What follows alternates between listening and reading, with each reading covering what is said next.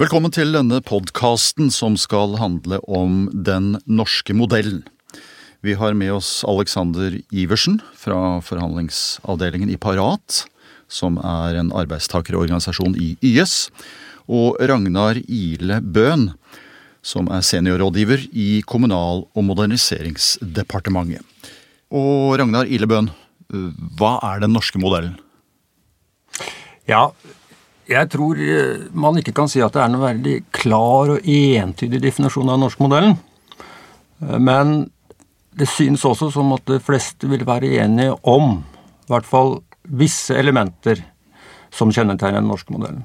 Først vil jeg si at det er, De fleste vil være enige i at det kjennetegnes av høy sysselsetting, universelle velferdsgoder og et organisert arbeidsliv. Og Vi kan godt si at modellen bygger på ja, tre elementer. Første elementet, den økonomiske modellen, kaller vi den. Andre elementet kaller vi gjerne samarbeidsmodellen. Og den tredje gjerne kaller vi velferdsmodellen. Den økonomiske modellen bygger på hva vi vil si vil være en aktiv og stabilitetsorientert økonomisk politikk.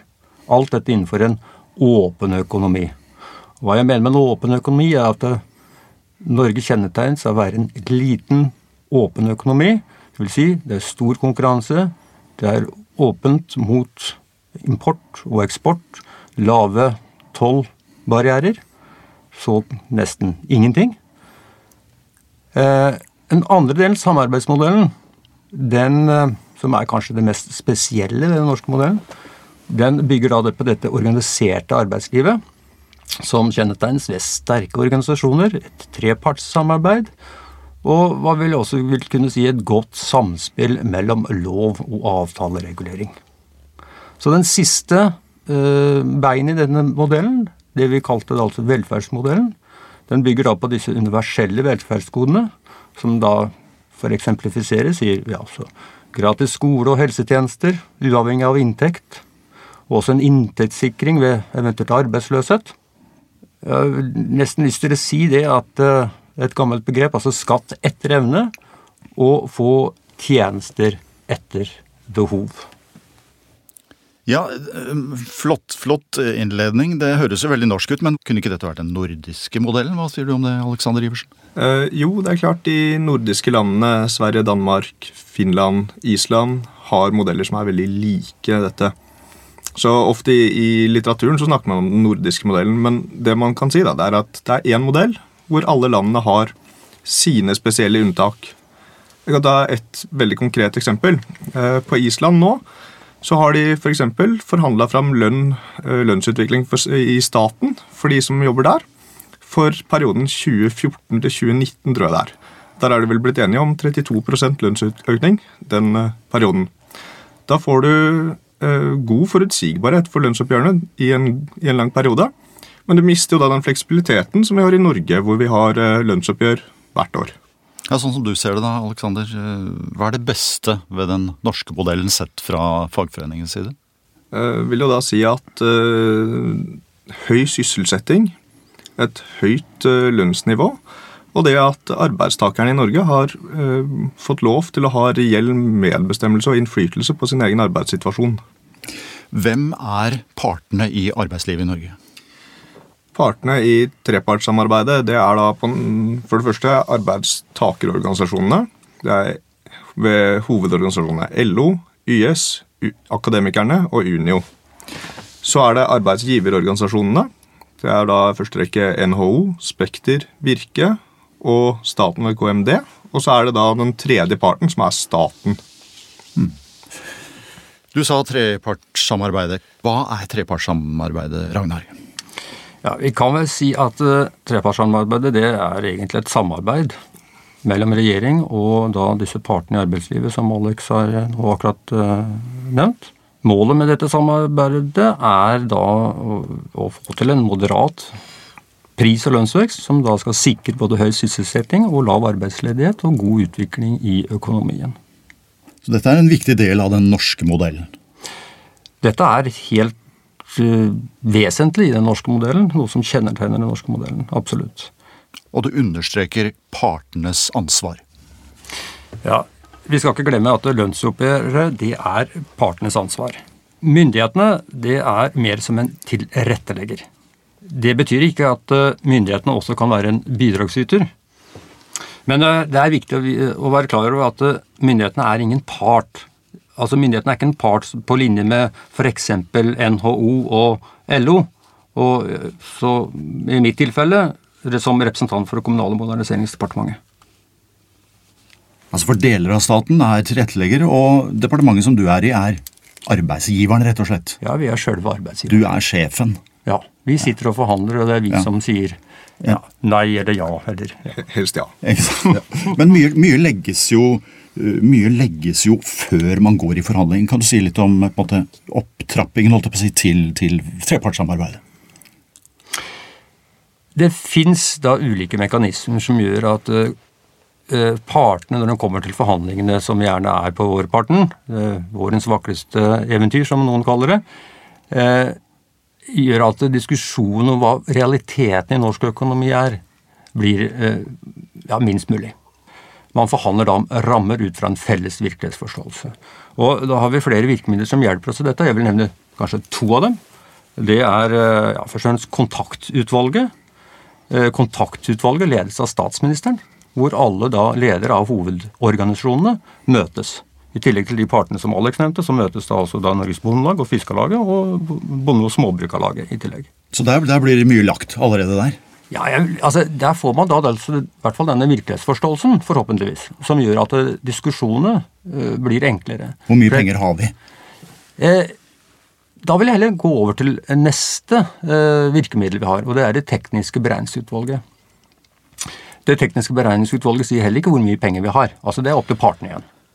Uh, men det tekniske beregningsutvalget tar steget videre ut fra kontaktutvalget og ser mer teknisk på hva faktisk lønnsutviklingen har vært, den økonomiske situasjonen, og som da legger rammene for hva man kan se for seg framover. Blant annet, de er forsiktige med altså De skal ikke anslå lønnsveksten det kommende året. Det er igjen opp til partene. Men f.eks. så anslår de ja, en, en, prisvekst. Og prisveksten den er viktig for partene når de skal sitte og forhandle fram rammene for det som er en del av det inntektspolitiske samarbeidet. Det er jo at det, eh, folk lever av lønnstilleggene, men hvis lønnstilleggene blir spist opp av høy prisvekst, altså inflasjon, så hjelper det ikke å ha høy lønnsvekst. Dette var eksemplene på 70-tallet hvor det var enorme gode lønnsoppgjør, men alt ble spist opp av, av prisveksten. Dette har man nå fått uh, en viss kontroll på. I forlengelse av det inntektspolitiske samarbeidet Alexander, så er det naturlig at du nå forteller oss hva er frontfagsmodellen? Frontfagsmodellen er eh, en eh, norsk modell utvikla av Odd Aukrust på 60-tallet. Eh, implementert gjennom 70-tallet i Norge. Det det går ut på, sånn i korte trekk, det er at eh, den konkurranseutsatte industrien, eller den delen av industrien i Norge som driver med eksport, de forhandler først. Eller partene på det som heter industrioverenskomsten, de forhandler lønn først. Og da ser de på, eller de blir enige om hva tåler denne delen av industrien i lønnsøkning for å fortsatt kunne være konkurransedyktig. Det resultatet de kommer til, det danner da en norm for eh, de senere lønnsoppgjørene som kommer i etterkant. Det betyr ikke at man uh, i andre deler av, av, norsk økonomi ikke kan kreve mer eller mindre, helst mer kanskje, enn det som blir gitt i frontfaget, men det danner en, en norm, og det er en relativt sterk norm i, i den norske modellen. Har det vært bra, dette? Ja, de fleste syns vel at dette fungerer bra. Det er jo litt diskusjon om eh, om det er riktig at alle skal følge dette, det blir et sånn politisk spørsmål. Men i det store og det hele så er det min mening at dette har fungert veldig bra. Er arbeidsgiverne enig i det, da? Det burde det jo være. Her blir det lagt. Ja, jeg tror eh, alle partene ser seg godt tjent med denne frontfagsmodellen. Eh, denne ble bekrefta i det siste av tre Holden-utvalg som noen kanskje har hørt om, hvor alle partene stiller seg bak denne frontfagsmodellen. Den har fungert eh, godt. Vil du si at den norske modellen er, har vært, er en suksess? Den norske modellen har absolutt vært en suksess. Det er bare å se på situasjonen i Norge. Vi har en god, stabil økonomi, god vekst, lav eh, arbeidsledighet og gode ordninger. Alexander? Ja, jeg må jo bare stille meg fullt bak det. I tillegg så kan jeg si at uh, den norske modellen har jo ført til at vi har et uh, lavt konfliktnivå i norsk arbeidsliv. Man har uh, et system, et samarbeid, en mekanisme for å løse konflikter i, med konsensus, i dialog mellom partene. og det gjør jo da at vi ikke har hatt noen sånn alvorlige slag mellom arbeiderbevegelsen og, og staten siden Menstadslaget på 30-tallet. Ja, hva vil du si er det ved den norske modellen som eh, måte, legger til rette for dette? Ja, Det er jo dette med at det er eh, konfliktløsningsmekanismer i tariffavtalene våre. Vi har jo tariffavtaler mellom arbeidsgiver og arbeidstakerparter på store deler av norsk økonomi.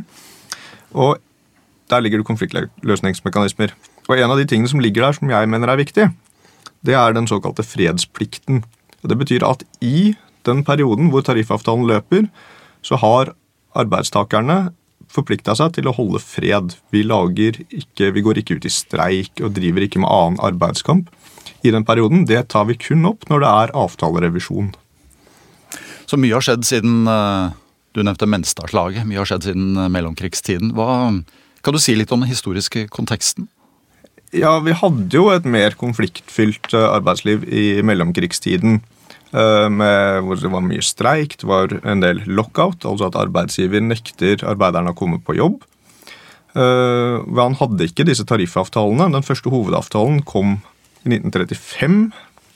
Uh, og den kom som et resultat av disse konfliktene. Og Menstadslaget det var jo da på Menstad hvor det var streik og arbeidsgiver leide inn eh, uorganisert arbeidskraft for å dekke opp behovet. Såkalt streikebryteri drev de med, med da. Hvor arbeiderbevegelsen forsøkte å ta seg inn på området og stoppe dette. Og staten satte inn hær og politi eh, til å slåss mot, eh, mot, arbeiderne. Og det ble en del fengselsstraffer og bøtelegging av de arbeiderne som, som deltok i de auksjonene den gangen. Men i kjølvannet av det så fikk man da den første hovedavtalen og et mer formalisert samarbeid. Og siden så har man ikke sett den type alvorlig konflikt. Eh, så selv om norsk arbeidsliv er ikke konfliktfritt, men det foregår i helt andre former enn det man kanskje har sett i andre land, hvor det er sammenstøt, brenning av bildekk i gatene, den type ting. Det har vi vært forskåna for i Norge. Hvis vi skulle si eh, helt til slutt eh, litt om utfordringer i fremtiden. Ragnar, hva vil du si? Ja, det er nok av utfordringer, sikkert. Eh, men hvis vi skal se på altså forutsetningen for den nordiske modellen, det er etter min mening sterke og likeverdige aktører som forplikter. Og et partnerskap som bygger på en erkjennelse av at en sitter i samme båt. Ting som kan utfordre disse to tingene, vil kunne utsette den norske modellen for utfordringer. Det som også kan sies, det er jo det at den norske modellen er ikke nødvendigvis statisk. Den utvikler seg eh, med tiden og forhåpentligvis tilpasser seg endringene. Og det som ofte sies, det er at eh, den norske modellen den forhindrer ikke kriser, men er et godt verktøy for å komme seg ut av disse krisene. Og den norske modellen har en framtid, Aleksander? Ja, jeg både håper og tror at uh, den norske modellen har en fremtid. Men uh, dette som Ragnar var inne på med likeverdige parter, det er jo et viktig begrep uh, der. Og det vil jo da si at en sånn trussel som jeg kan nevne, det er at organisasjonsgraden blant arbeidstakerne i Norge faller. Hvis den faller så lavt at arbeidstakerorganisasjonene ikke lenger er en likeverdig part, så kan de andre partene i trepartsarbeidet Eh, finne at det ikke er hensiktsmessig å, å, videreføre det gode samarbeidet som vi tross alt har i dag og har hatt over lengre tid. Så en appell om å melde seg inn i, eh, i fagforeninger, er det du kommer med til slutt her? Ja, og helst i et YS-forbund, da. Selvfølgelig.